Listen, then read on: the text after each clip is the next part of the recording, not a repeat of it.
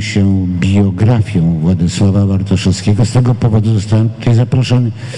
A to, co mnie zawsze uderzało w rozmowach z panem Władysławem, to fakt, że trudno było oddzielić to, co publiczne w jego działaniach od tego, co prywatne.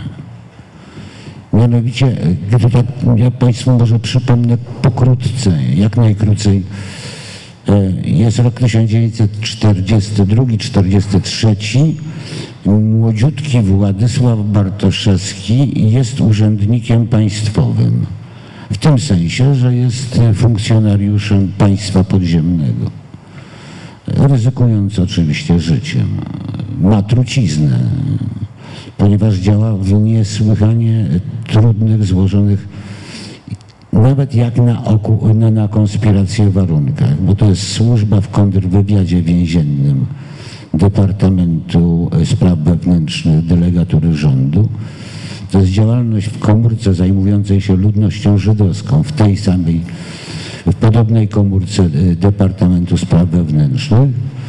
To jest także służba w BIP-ie Komendy Głównej AK, no i to jest oczywiście działalność w Żegocie, a więc szczególnie zakonspirowanej instytucji podziemnego państwa polskiego.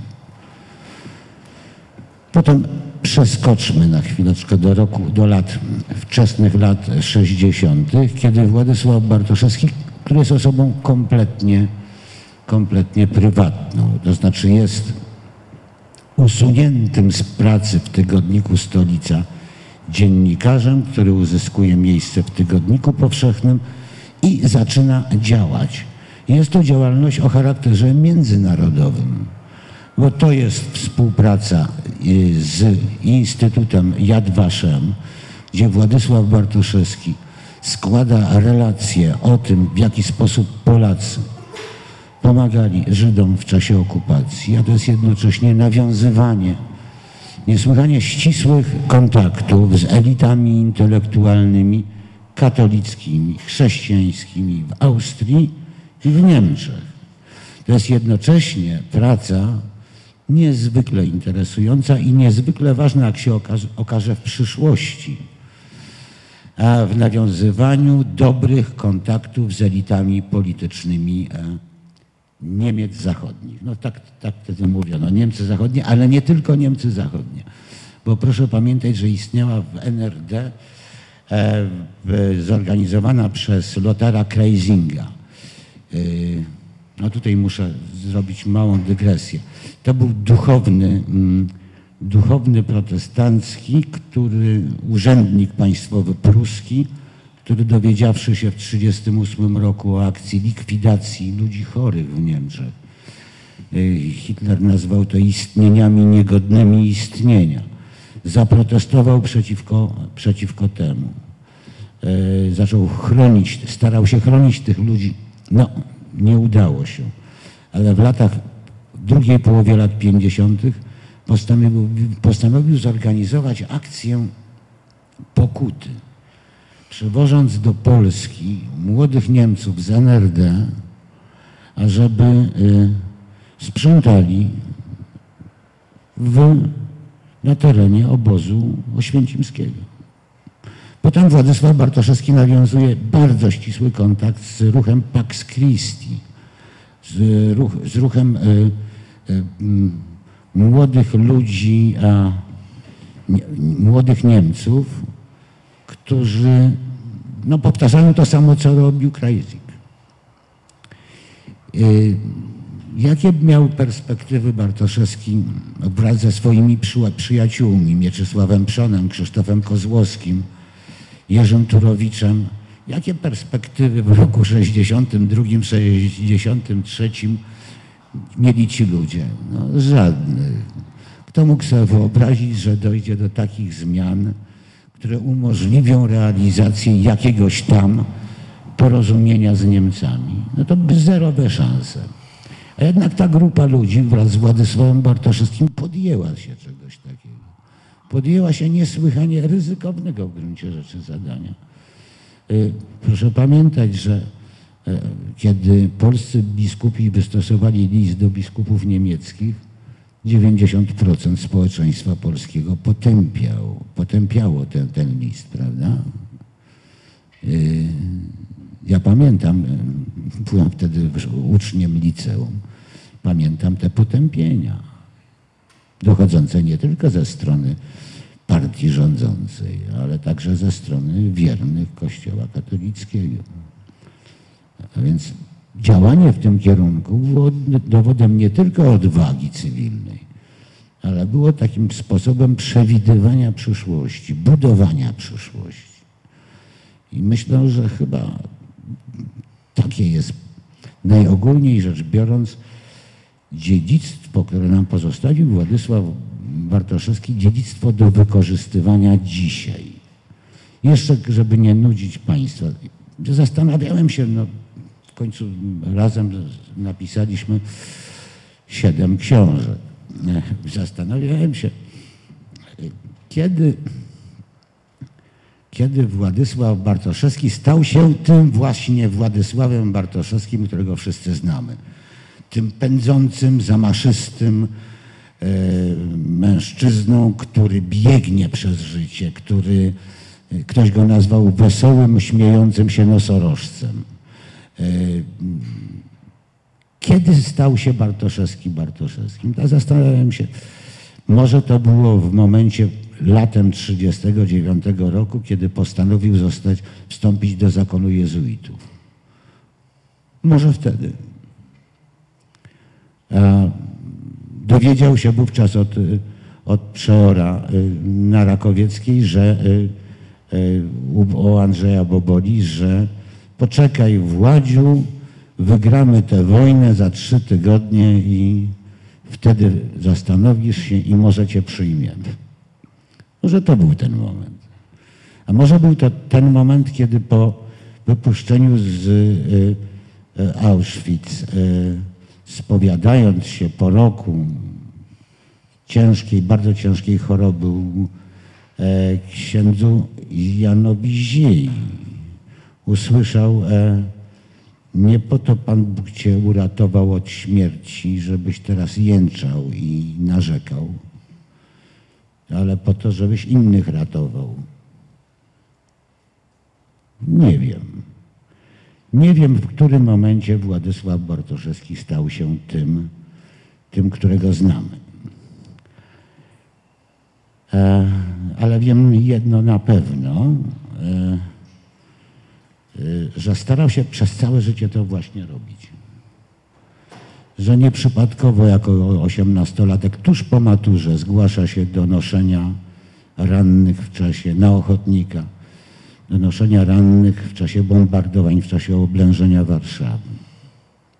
To nie było takie, to nie był spontaniczny ruch, bo trzeba było nosić cząstki ciał niekiedy. To trudne zadanie dla osiemnastolatka, jedynaka, on zawsze podkreślał, że był jedynakiem, wychowanym w bardzo dobrych warunkach. Takie doświadczenie, pierwsze doświadczenie jest straszne. No. Potem doświadczenie, może to był ten moment, kiedy tracąc przytomność na placu apelowym w, w Oświęcimiu, nagle został a, przeniesiony do tego Krankenhaus, Krankenbau e, e, przez nieznanych mu więźniów. Uratowali go. A może w tym momencie, kiedy został poddany selekcji, no strasznej selekcji, kiedy dwaj lekarze stali nad tym umierającym chłopcem i jeden z nich powiedział, już nic z niego nie będzie, a drugi powiedział, a kto ty jesteś? A on mówi, z Warszawy. Inteligent? Tak, no to może cię uratujemy. A. Wyobraźcie sobie Państwo, no ja sobie to staram wyobrazić i no i ciężko. Jakie dziedzictwo? Władysław Teofil Bartoszewski. Proszę bardzo. Jakie dziedzictwo? To trudno powiedzieć. Ja myślę, że e, żeby do tego coś dodać, to jest, jest, jest to bardzo ciekawa wystawa w Kancelarii Prezesa Rady Ministrów, którą pani premier e, zainicjowała jakiś czas temu, została otworzona w piątek. Tam brakuje, tam są trzy tematy poruszone w tym, w tym, na tej wystawie, które, ale brakuje jednego. E, otóż brakuje tematu szkoły. Y, Otóż moim zdaniem, jeżeli ojciec był taki, jaki był, to przede wszystkim zawdzięczamy to szkole. Rodzicom też. Miał bardzo może nietypowych, konserwatywno-liberalnych rodziców. Konserwatywnych dlatego, że dziadek był e, bankowcem w Banku Polskim, który potem został Narodowym Bankiem Polskim i był bardzo tradycyjnym urzędnikiem e, bankowym, e, solidnym, spokojnym, flegmatycznym, o zupełnie innym charakterze niż ojciec, ale jednocześnie bardzo tolerancyjnym w tym sensie, że do domu przychodzili na przykład jego koledzy Żydzi i on w tym nic nie widział nadzwyczajnego. I ojciec po, po skończeniu szkoły podstawowej w domu, bo uczyły go, e, nazywalibyśmy to wtedy guwernantki, e, poszedł do gimnazjum i liceum e, e, ojców jezuitów. I otóż ci ojc, ojc, ojcowie jezuici zrobili ojca takim, jakim był. Em, To jest, y, i to wyraźnie widać z jego wspomnień, kiedy on, jak on się wyraża na temat swojego ojca dyrektora, e, którego zamordowano na Majdanku, jak się wyraża na temat swojego mm, e, e, nauczyciela języka niemieckiego, który mimo, że był e, endekiem, nauczył go, nauczył go miłości do kultury niemieckiej, do języka niemieckiego, a potem ratował Żydów w czasie, w czasie wojny i umarł. Znaczy zabili go Niemcy. Em, i, ojciec zawsze e, wspominał o swoich nauczycielach matematyki, z którym pchał walec w obozie Auschwitz e, i, i innych. I, I ta szkoła e, go ukształtowała. Ojciec był jaki był z tego powodu, że ci jezuici go takim zrobili i stąd zresztą ten, te, ta próba zapisania się do przystąpienia do zakonu jezuitów przed wojną. Tutaj mogę tylko dodać anegdotę, że e, w latach 70., kiedy nie, nie można było wykładać normalnie e, tematów związanych z najnowszą historią Polski, e, ojciec, jak i wielu innych, wykładał w, w, kościołach i w klasztorach. I u jezuitów w Poznaniu miał wykład na temat polskiego państwa podziemnego, to, to druga połowa lat 70., po czym poszli wszyscy do refektarza na kolację. I tam e, e, miejscowy e, przeor, z- rozmawiali sobie i ojciec mówi, no e, księdze przeorze, ja właściwie mam taką historię, że ja ch- chciałem przystąpić do zakonu jezuitów przed wojną, ale mi tam mój ojciec dyrektor wyperswadował, że może to później, e, że, że jeszcze żebym trochę zaczekał i tak dalej. E, na co, mm, na co Ojciec oczywiście to opowiada z, jak tu pan Michał mówi, z pewną werwą, swadą i pewną szybkością i, i wtedy, e, wtedy przeor jezuita poznański podniósł e, oczy do nieba i ręce powiedział, Duch, e, Bóg uchował Towarzystwo Jezusowe. Za- zakładając, że ojciec by rozniósł każdy zakon prawdopodobnie. Więc y, ta energia to, to mu się wzięło i, pewne wartości mu się wzięły chyba jeszcze wcześniej. Nie, Chociaż oczywiście te kluczowe momenty, o których, o których pan Michał mówi, miały, miały miejsce i niewątpliwie, e, niewątpliwie e, było bombardowanie Warszawy w 1939 roku, kiedy on był noszowym w, w, w Czerwonym Krzyżu, w PCK. Było dla niego szokiem, bo nikt się tego nie spodziewał. Na całym świecie wszyscy wiedzą o, obrazie Picassa Guernica. W porównaniu z tym, co się działo w Warszawie, e, to, to, to w ogóle no nie ma tutaj porównania. E, Myśmy stracili wtedy e, parędziesiąt tysięcy ludzi w, w, w bardzo szybkim okresie czasu i 10% budynków miasta. Tego, to było pierwsze takie masowe bombardowanie cywilów w, w historii i to stolicy i, i to wywołało niewątpliwie, to był dla niego szok. Ale oczywiście największym e, szokiem było to, e, nie tylko to, co widział w Auschwitz, ale jak wrócił z Auschwitz i rozumiał, że nikt tego nie rozumie. Nawet w okupowanej Warszawie nie było zrozumienia, co to jest Auschwitz. I on nie chciał o tym mówić. Bo nawet rodzicom o tym nie mówił, mówi, co ja o nim powiem. I tego się nie da wytłumaczyć. I dlatego mm, e, jak spotkał się z księdzem Zieją i z, Zofią Kossak, która miała ogromny wpływ, e, e, chociaż była dwa razy starsza od niego wtedy już, miała ogromny wpływ na niego swoją postawą, to wtedy chyba on też tak się ukształtował. I ja myślę, jakie jest tego dziedzictwo. Dziedzictwo jest takie, że że ludzie potrafią sobie rob, robić nawzajem najokropniejsze rzeczy. E, Ale że można się temu przeciwstawiać, jak się pracuje razem z innymi e, ku, ku dobrej sprawie. Tak bym to. Y, Ja jeszcze na chwileczkę wrócę do pewnego wydarzenia w, e, właśnie w Oświęcimiu na placu apelowym. Pan Władysław wielokrotnie w rozmowach ze mną powracał do, takiego, do takiej sytuacji. Pięć tysięcy stoi więźniów na placu apelowym i kilkunastu strażników. Pięć tysięcy i kilkunastu strażników. I e, zaczynają mordować na oczach tych pięciu tysięcy ludzi jakiegoś człowieka. Mordować. I go zabijają. I nikt z tych pięciu tysięcy ludzi się nie rusza. To jest ta strona człowieczeństwa, która myślę wracała echem w w myśleniu i w działaniach Bartoszewskiego, tych, które miały y, pokazywać odwrotną stronę, tę lepszą, tę, tę jaśniejszą. Bo wszystko dzieje się niestety w takim świecie dychotomicznym, między dobrem a złem. No niestety, tak to się dzieje. Paweł Dobrowolski. Dzień dobry Państwu. Działa? To się okaże. Chyba działa. Ja y, zacząłbym od tego, że,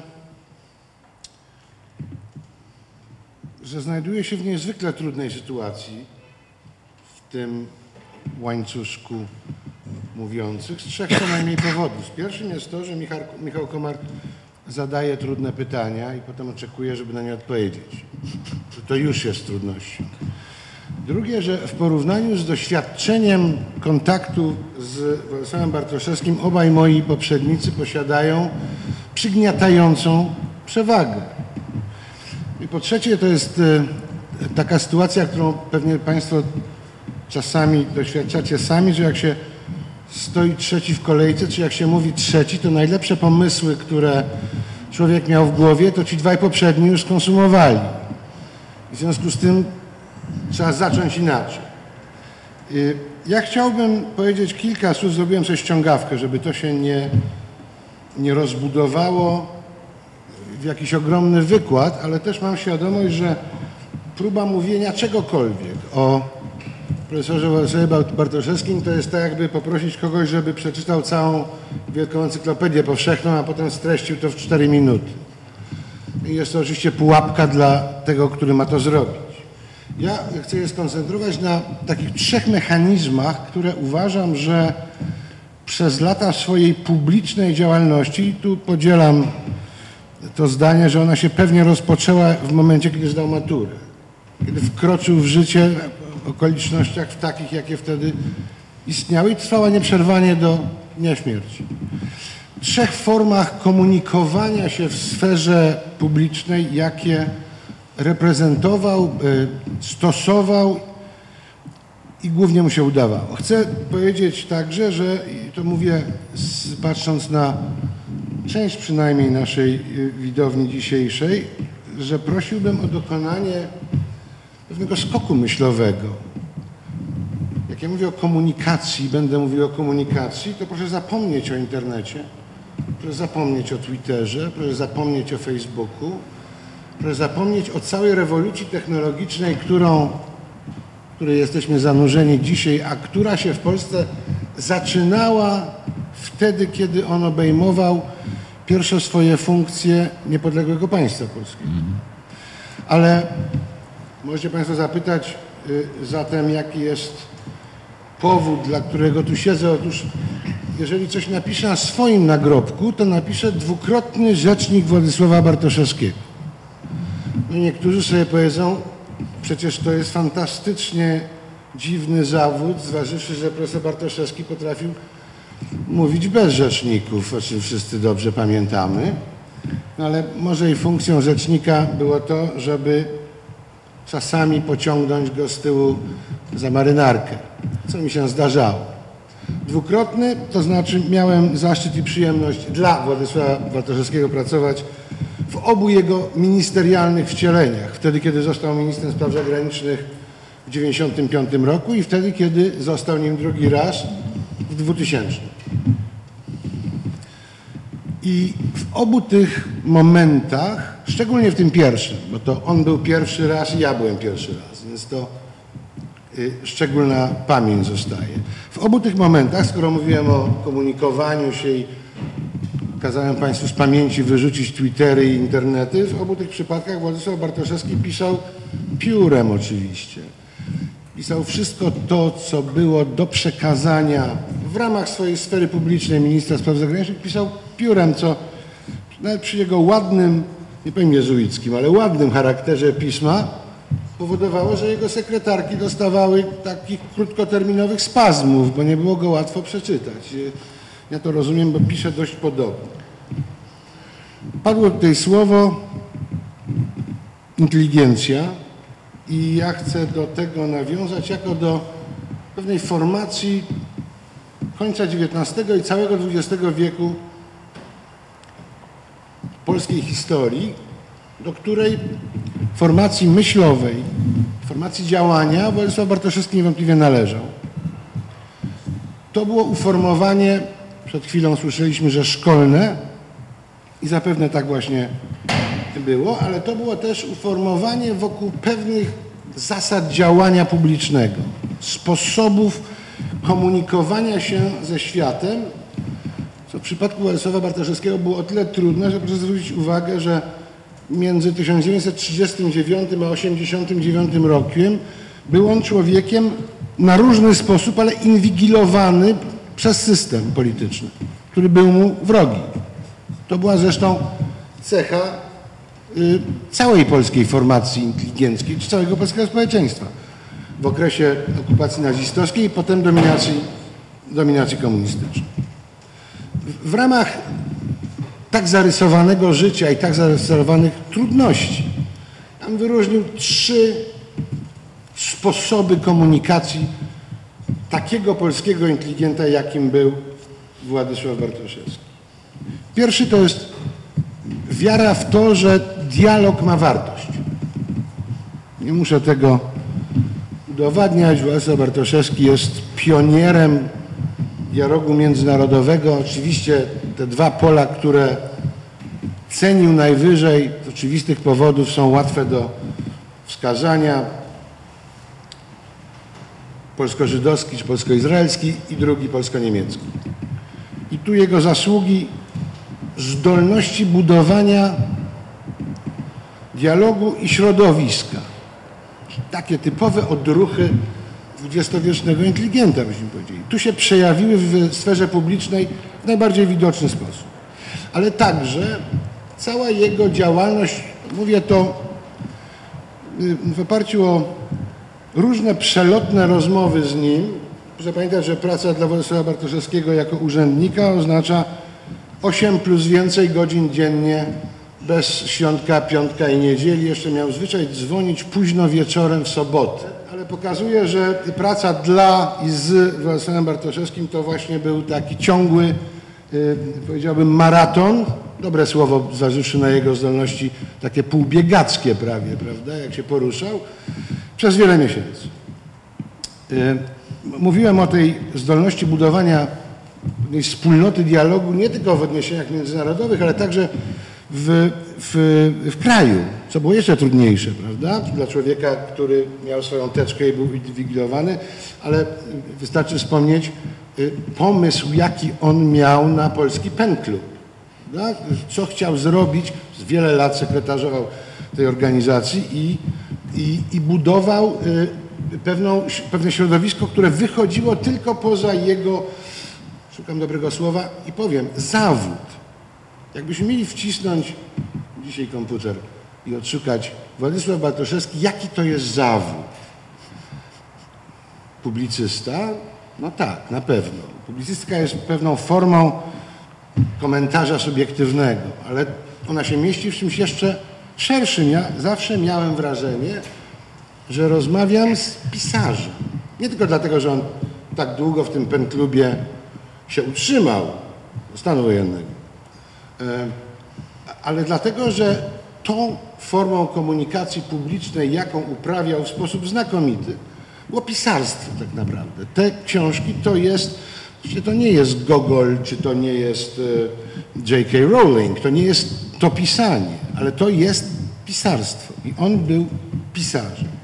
Mówiłem o tym budowaniu środowiska w PEN Klubie i, i o tej dialogowości, jaką posiadał. Proszę zwrócić uwagę, jak mi się wydaje, on potrafił przekraczać i budować y, zdolność komunikacji i rozmowy także z ludźmi, którzy wydawałoby się pochodzą z zupełnie innych, co w polskim y, świecie, polskiej inteligencji miało przecież miejsce, z innej proweniencji. W ostatniej książce, którą, którą udało się napisać wspólnie Przedostatni. z panem, przedostatni. Jeszcze przedostatni. ostatnia Tak, jeszcze mamy coś tam w papierach, rozumiem. E, Jest taki bardzo ładny fragment, w którym Bartoszewski opowiada, w jaki sposób zaprzyjaźnił się, bo tego słowa użyję, z Leszkiem Kołakowskim. No jakby na pierwszy rzut oka liberalnego konserwatystę, tak muszę tego nauczyć.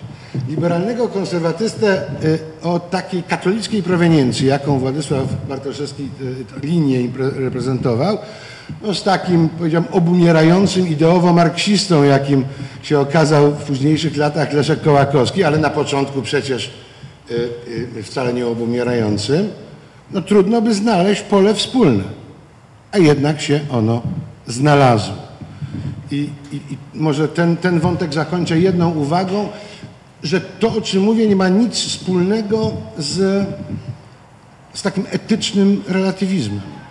On dobrze wiedział, że czarne jest czarne, a białe jest białe. Dobrze rozumiał, że etyka w życiu człowieka ma kluczowe znaczenie. Pewnie parę razy w życiu dzięki temu przetrwał.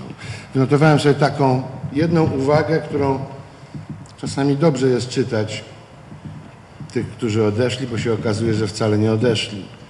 Taką uwagę, która myślę, że na dzień dzisiejszy jest niezwykle cenna, a dotyczy oczywiście tych pól, które on znał najlepiej, to znaczy relacji polsko-żydowskich i polsko-niemieckich. I w ramach tego kontekstu napisał Nienawiść jest bumerangiem bijącym w każdego.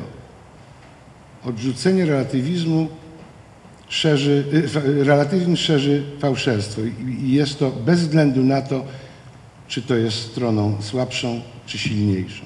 Ten bumerang nienawiści jest czymś, co w dzisiejszej Europie też jest zjawiskiem, które się pojawi. Drugim, krótko będę się starał mówić, drugim takim, drugą techniką, którą w życiu publicznym stosował, to jest to, z czego wszyscy go pamiętamy.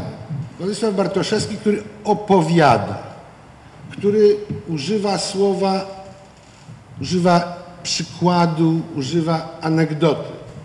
Anegdota po grecku, proszę Państwa, to jest to, co jest niepublikowane.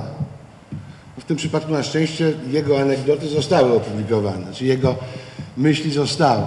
I, i, i pokazuje to, że on y, umiał się posługiwać, nie chcę tego trywializować, bo jest powiastką, ale y, opowiadaniem, krótką formą literacką, byśmy powiedzieli, myśląc o nim jako o pisarzu. I, i, i najdziwniejsze z moich doświadczeń było to, że potrafił przejść do opowiadania historyjek, bo tak byśmy je nazwali, które dotyczyły czasu okupacji albo jego dobrze wyuczonego fachu zecera w więzieniu, prawda? I potrafił y, y, w czasie rozmowy o czymś zupełnie innym nagle mieć to skojarzenie i ja stojąc przed biurkiem ministra i czekając na projekt depeszy do polskiego ambasadora w Tokio, nagle się dowiadywałem, y, jak to było w 1942. I ta opowiastka zapadała w pamięci. On potem wracał natychmiast do tego, o czym mówiliśmy przedtem. Ten strumień y, wiedzy w, w pinesce, w pączku, w takiej piąsce, podany słuchaczowi czy czytelnikowi, był jego cechą niezwykłą. I, i oczywiście dotyczyło to tego wielkiego zjawiska jego własnego życia. Nawet miałem takie wrażenie, że czytając te ostatnie książki o Władysławie Bartoszewskim, kiedy on opowiada o innych przecież, to jak ja je czytałem, to jednak także widzę tych innych mówiących o nim. I to pokazuje tą moją, mam nadzieję, tą moją pierwszą myśl, że to jest zdolność budowy środowiska. To jest zdolność y, tworzenia tej formy dialogu, o której wspomniałem. I po trzecie, to po trzecie zakończy się, proszę Państwa, no nie mógłbym poświęcić tych słów Władysławowi Bartoszewskiemu bez anegdoty o nim. Ja powiem Państwu taką, której nikt nie zna, ponieważ tylko trzech świadków tego wydarzenia było. Dwaj pozostali z różnych powodów. Jednym jest oczywiście on. Milczą, a tym, który Państwu ją opowie, będę ja.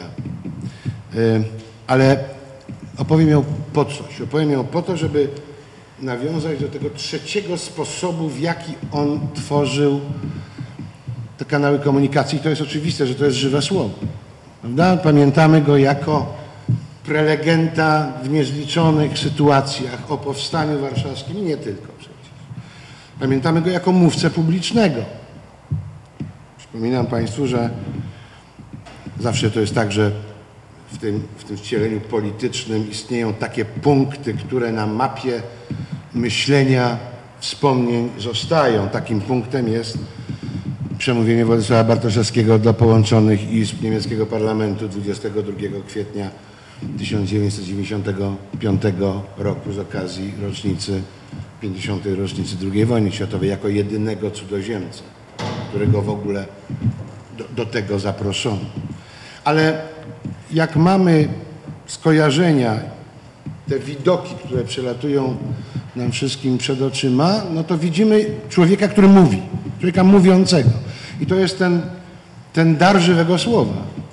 Przez to żywe słowo, przez czasami e, trzeba powiedzieć żywe słowo, które człowieka potrafiło zalać niczym tsunami, bo on to potrafił. Ale to żywe słowo to jest ten trzeci element tworzący tą, dla mnie przynajmniej, tą wspólnotę komunikacji, jaką on w XX wieku, w XXI y, także realizował. Proszę pamiętać, że jego ostatnie stanowisko tych szczęśliwych lat ostatnich to było stanowisko, które miało tytuł pełnomocnika premiera do dialogu międzynarodowego. To ostatnie słowo, przedostatnie słowo podkreślam. Ten dialog się wykuwał za pomocą rozmów. I żeby nie przeciągać, to rzeczywiście ta anegdota, rzecz się dzieje równo 20 lat temu. Y, Dotyczy jednej z wizyt Władysława Bartoszewskiego w Berlinie, jednej z licznych, ale mojej pierwszej, jako, jako rzecznika MSZ-u Wizyta, która miała na celu się spotkanie z jego partnerem, wicekanclerzem Niemiec, takim klasycznym politykiem niemieckim wagi ciężkiej, Klausem Kinkelem, wicekanclerzem. I program przewidywał y, to, że po rozmowie w Berlinie obaj ministrowie wsiądą do helikoptera i polecą na inaugurację roku akademickiego, to dobre skojarzenie z kolegium Civitas, y, do Uniwersytetu Wiadrina, prawda, no polsko-niemieckiego flagowego projektu wspólnotowego. Y, I tak się stało. Helikopter, je- mimo że duży, to jest mały, w związku z tym ministrowi Kinkelowi chyba ktoś towarzyszył, ale jakiś mądry niemiecki urzędnik, który zaraz po wsiądnięciu zapadł w lekki sen. I, i, I ja, który byłem oczywiście napakowany adrenaliną, w związku z tym nie zasnąłem i dzięki temu nie ominęła mnie ta opowiastka. Helikopter był tak zbudowany, że obaj panowie siedzieli mniej więcej tak twarzą w twarz jak, jak ja z panem WSM Bartoszewskim juniorem. E, Za plecami Bartoszewskiego siedziałem ja. Y, Po starcie y, rozdano nam, niemiecka służba, która nas wiozła, rozdała nam nauszniki, co powoduje oczywiście, że wszyscy wyglądają jakbyśmy należeli do klubu Myszki Miki, ale nie wiem, czy WSE Bartoszewski uważał, że technologia poszła już tak daleko, y, czy w ogóle na tym nie myślał, bo to nie były y, słuchawki, dzięki którym myśmy mogli do siebie y, komunikować się ze sobą, tylko były to ochraniacze na uszy po prostu, bo to jednak huczy okropnie, jak Państwo wiecie. I, I właściwie wszystko było dobrze, zaczęliśmy lecieć. Ja siedziałem za plecami, w związku z tym na pół metra ode mnie miałem twarz wicekanclerza Niemiec. I w pewnym momencie zobaczyłem w, w oczach tego niemieckiego polityka rosnące przerażenie. Pomieszane z takim potwornym wysiłkiem, żeby, żeby się skupić. A potem po mowie ciała ministra spraw zagranicznych Rzeczpospolitej zdałem sobie sprawę, że Władysław Bartoszewski mówi dość głośno jak zwykle, ale nie na tyle, aby przekrzyczeć silniki helikoptera Bell, prawda? Jest dość dużą maszyną. I Kinkel, lot był krótki, żeby skrócić, to 20 minut. Ale przez 20 minut patrzyłem na rosnące przerażenie tego Niemca, który chciał się nauczyć te 20 minut języka czytania z ust. I oczywiście mu to nie wyszło. Wylądowaliśmy. Ja byłem mokry jak e, przysłowiowa mysz, bo nie wiedziałem co robić, ale Kinkel był spocony, bo się męczył patrząc. Jedyny szczęśliwy z tej trójki był Bartoszewski oczywiście. Wsiedliśmy do samochodu już we Frankfurcie. To jest ta kwintesencja tej opowieści o żywym słowie i jego sile. Ja siedziałem z, z panem ministrem, ruszyliśmy na uniwersytet i minister się do mnie odwrócił i powiedział do mnie z ogromnym uśmiechem, ale mu powiedziałem, co? Już moje ostatnie zdanie. Ja, proszę Państwa, zakończyłem tą rozmowę używając i odpowiadając mojemu szefowi, ministrowi Bar- Bartoszewskiemu, jednym z najbardziej skomplikowanych polskich słów. Mianowicie powiedziałem, no. Dziękuję Państwu bardzo. Proszę Państwa, chciałbym jeszcze na chwileczkę wrócić e, do, kiedy się zestawia ilość zatrudnień, e, które wykonywał Władysław Bartoszewski jednocześnie, będąc osobą prywatną. E, To jest tak, współpraca z Die Furche, to bardzo poważne pismo austriackie, katolickie pismo, ta, takie mm, rozliczające się z przeszłością austriacką, bardzo poważne, gromadzące elitę chrześcijańsko-demokratyczną Austrii. Dokumentem to jest pismo, no elita e, socjaldemokratyczna niemiecka, wypracowująca, mm, wypracowująca porozumienie z Francuzami. Tam pan Władysław Bartoszewski nawiązał niesłychanie silny, silne kontakty, mimo że przecież reprezentował kompletnie odmienną opcję ideologiczną. Jednocześnie praca dla studium Polski podziemnej, zbieranie dokumentów i uzupełnianie także zasobów studium Polski podziemnej w, w Londynie. Polin, mało znana w Polsce w szerokich kręgach inicjatywa, o której warto wspomnieć. Myślę, że pan Władysław mógłby tu parę słów powiedzieć. Ja owszem, ja mogę powiedzieć o Polinie, ale ja bym chciał powiedzieć trochę co innego. No. E, Dlatego, że e, tak naprawdę e, to ojciec nie był osobą publiczną.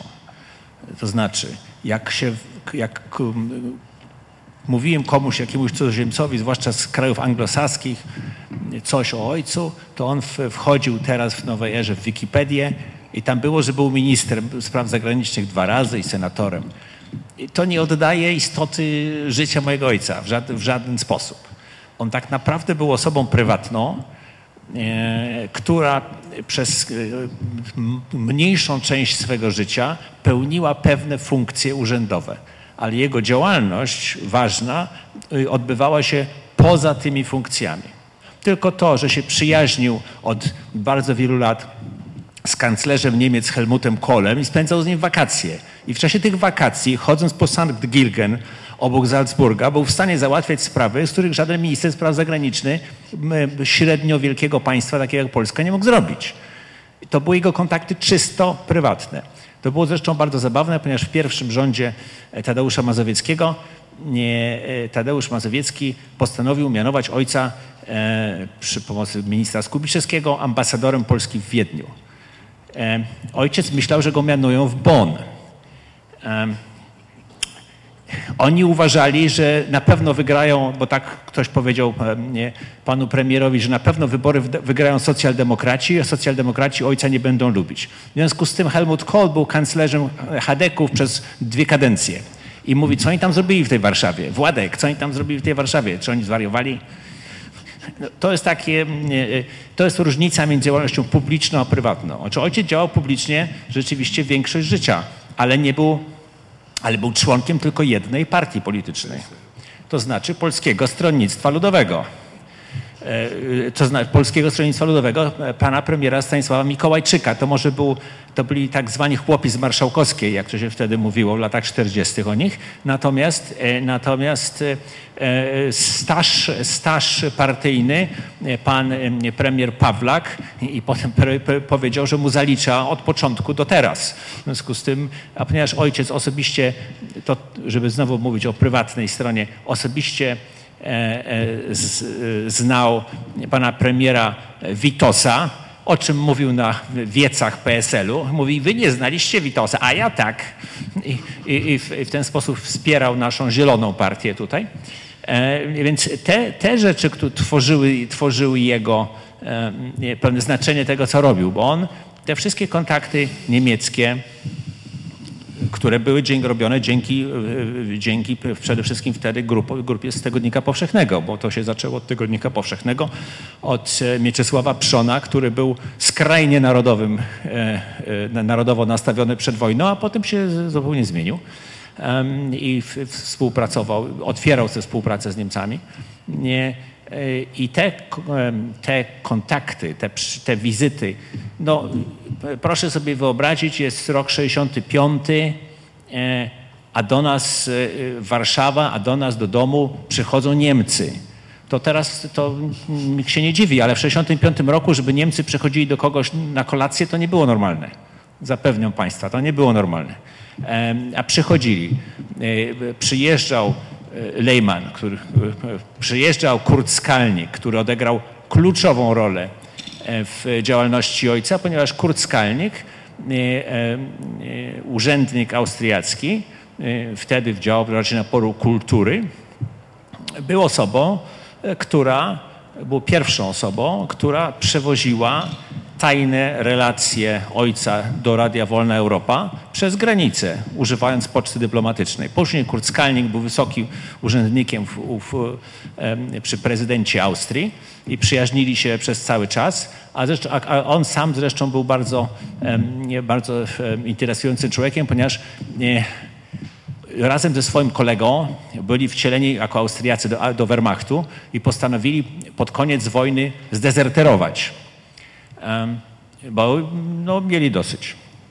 I wybrali sobie jedyne miejsce na froncie zachodnim, e, w którym to nie było e, właściwe, a to mianowicie zdezerterowali tuż przed kontrofensywą niemiecką w Wardenach. No, jak, jak uciekli, tak je złapali. Oczywiście, no bo Niemcy zajęli z powrotem te tereny i oni mieli, udało im się wy, wy, wybrnąć z tego, ale z wielkim trudem. E, I te kontakty ojca, które były kontaktami kompletnie prywatnymi, powodowały, że mógł on prowadzić działalność, nie będąc, bo kim ojciec był w, roku 65. Owszem, był publicystą, współpracował z Tygodnikiem Powszechnym, ale tak w ogóle to był sekretarzem w Stowarzyszeniu Bibliotekarzy Polskich. Nie jest to e, wybitnie publiczna organizacja. Bardzo zacna, ale nie, nie mająca dużego wpływu na, na, na działania państwowe. Więc, e, a poza tym jest jedna, jedna rzecz, która to wszystko charakteryzowała, która jest kluczowa do zrozumienia e, jego działalności. Ojciec był urodzonym konspiratorem. E, jednym z idoli mojego ojca był jego ojciec chrzestny, oficer dwójki, który działał, jak to się mówi, na kierunku wschodnim i szpiegował Sowiety. E, e, jak wybuchła wojna, on ukrywał się pod rozmaitymi pseudonimami. Bardzo sprytnie wyrobił sobie fałszywe, fałszywe papiery kilkukrotnie. Pojawił się u ojca w, w Krakowie w roku 1945, po czym zniknął gdzieś na Śląsku, zabranym Niemcom i tam pod kompletnie fałszywymi, fałszywym nazwiskiem, z fałszywą historią żył y, do końca życia. I oj, dla ojca on to był, to był, który bardzo go lubił, był on dla niego to legionista, dwójkarz, y, oficer wywiadu. To był dla niego wzór do naśladowania. Ojciec sam pracował w takich y, y, w częściach, częściach Armii Krajowej, która była temu z tym związana. No a po wojnie już, już był nieźle nauczony i w to wszedł i czuł się w tym, w tym jak ryba w wodzie. E, mogę, utrzymywał kontakty z rozmaitymi wywiadami. W roku 63 pierwszy wyjazd ojca za granicę e, do Izraela przez Ateny. Z kim się spotyka w Atenach? Z rezydentem CIA, głównym szefem CIA na Grecję, e, e, księciem Adamem Sapiechą i pułkownikiem Adamem Sapiechą, z którym utrzymuje stosunki.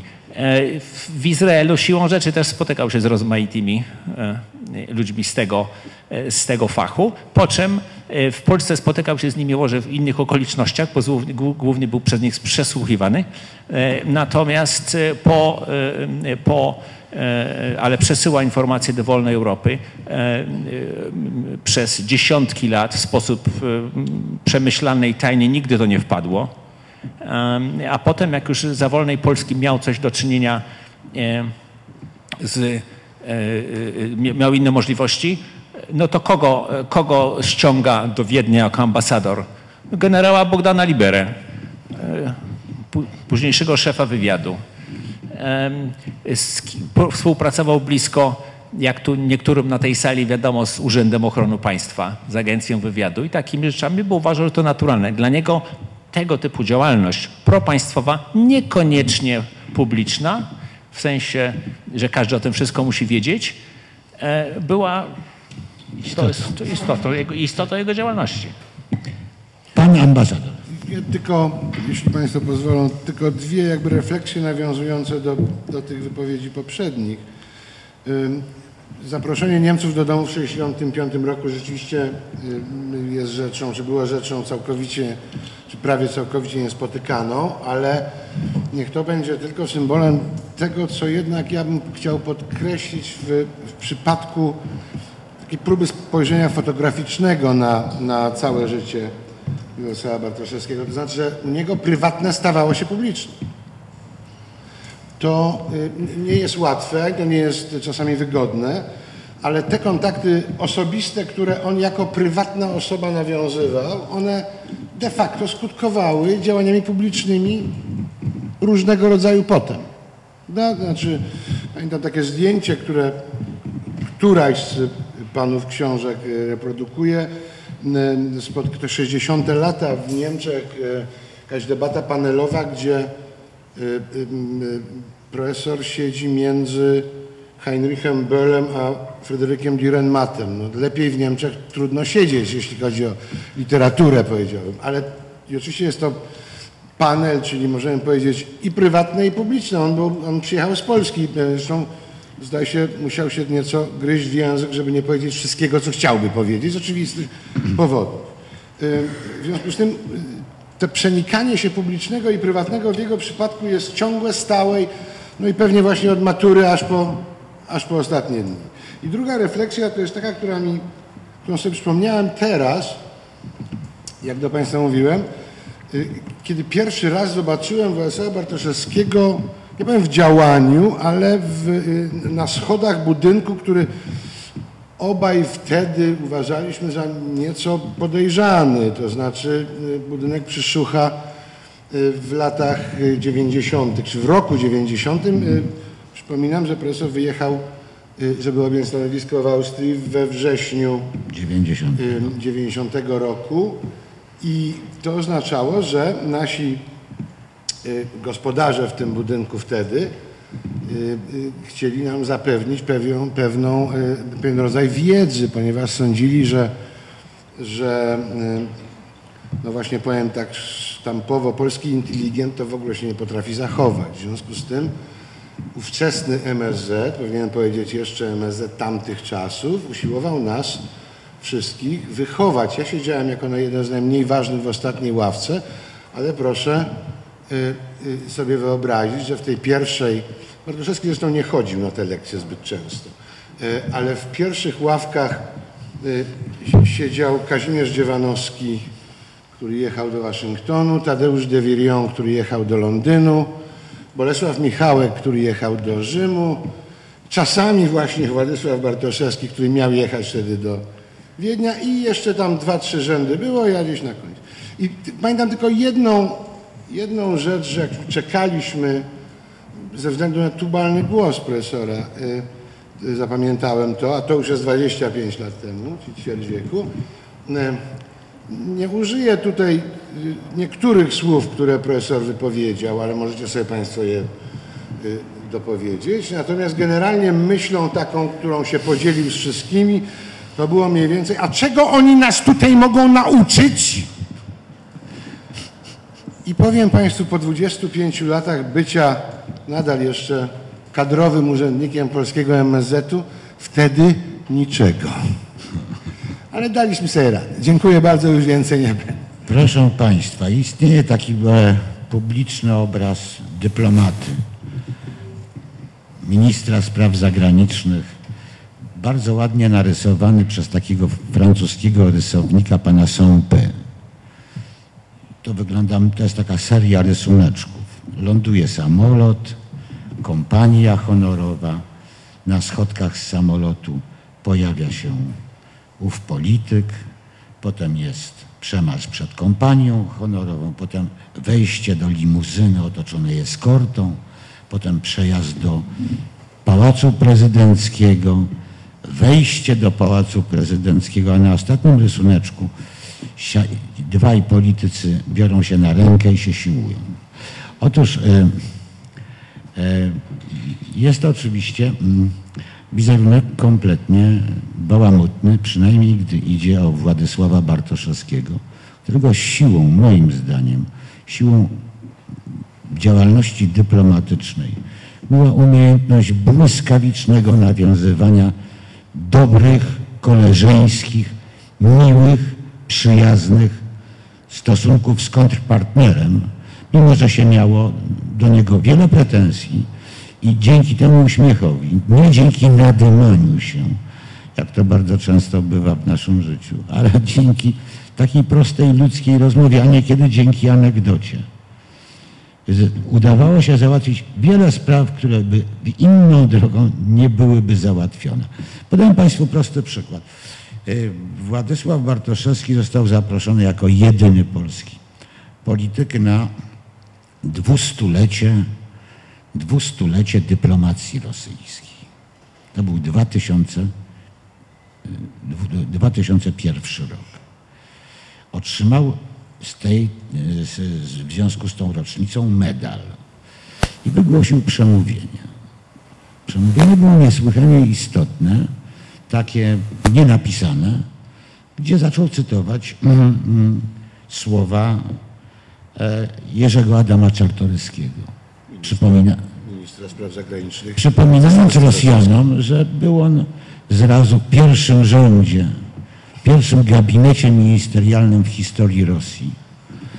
Adam, e, Jerzy Adam Czartoryski był najpierw pierwszym zastępcą ministra spraw zagranicznych, a potem ministrem spraw zagranicznych I wielu słuchaczy rosyjskich, dyplomatów siedzących na sali lekko się zdziwiło, przypominając sobie tę sprawę. Y, Taka pamięć historyczna niekiedy się bardzo przydaje.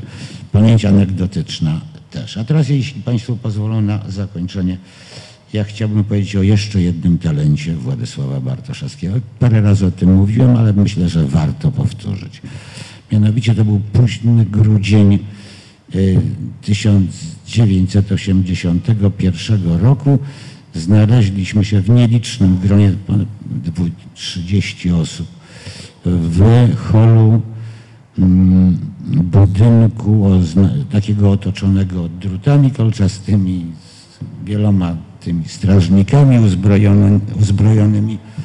Hol był ciemny, w holu stało, y, p- stał zepsuty telewizor, to pamiętam, i y, akwarium zarośnięte, zarośnie, zarastające rzęsą. M, Dowódca eskort, oficer y, wojska, pułkownik Wojska Polskiego oświadczył nam, że tutaj zostaniemy na dłuższy czas, a żeby uzyskać, uzyskiwać e, no, jakieś kontakty, gdy- gdybyśmy mieli jakieś prośby, to musimy sobie wybrać starostę, naszego reprezentanta. E, No i Państwo wiedzą, jak się, jak siedzi 40 tych inteligentów, y, była tam profesura, no wspaniałe nazwiska, no, kwiat naprawdę, kwiat inteligencji polskiej. No więc jak zaczynają się wybory, to, to oczywiście ktoś mówi, a komisja skrutacyjna to co? A komisja matka przedtem. Y, No i za- zaczyna się coś naprawdę śmiesznego. I wtedy nieżyjący już Jerzy Markuszewski, reżyser, mówi, a ja proponuję porzucić te wszystkie procedury y, i wybierzmy Władysława Bartoszewskiego, ponieważ on ma najdłuższe więzienne doświadczenie. E, Ten dowódca eskorty skinął głową, a ja stałem przy tym akwarium troszeczkę z boku, patrząc na dwie rybki, które już dogorywały. Już no, tak brzuchem, brzuchami do góry płynęły. No właśnie nie płynęły, już tak zastygały. I nagle Władysław Bartoszewski powiedział, zgadzam się! I w tym momencie rybki, słysząc jego głos, odwróciły się i popłynęły żwawo w głąb, w głąb akwarium. I to jest ta zaleta Władysława Bartoszewskiego, której nikt z nas nie umie naśladować. Dziękuję Państwu.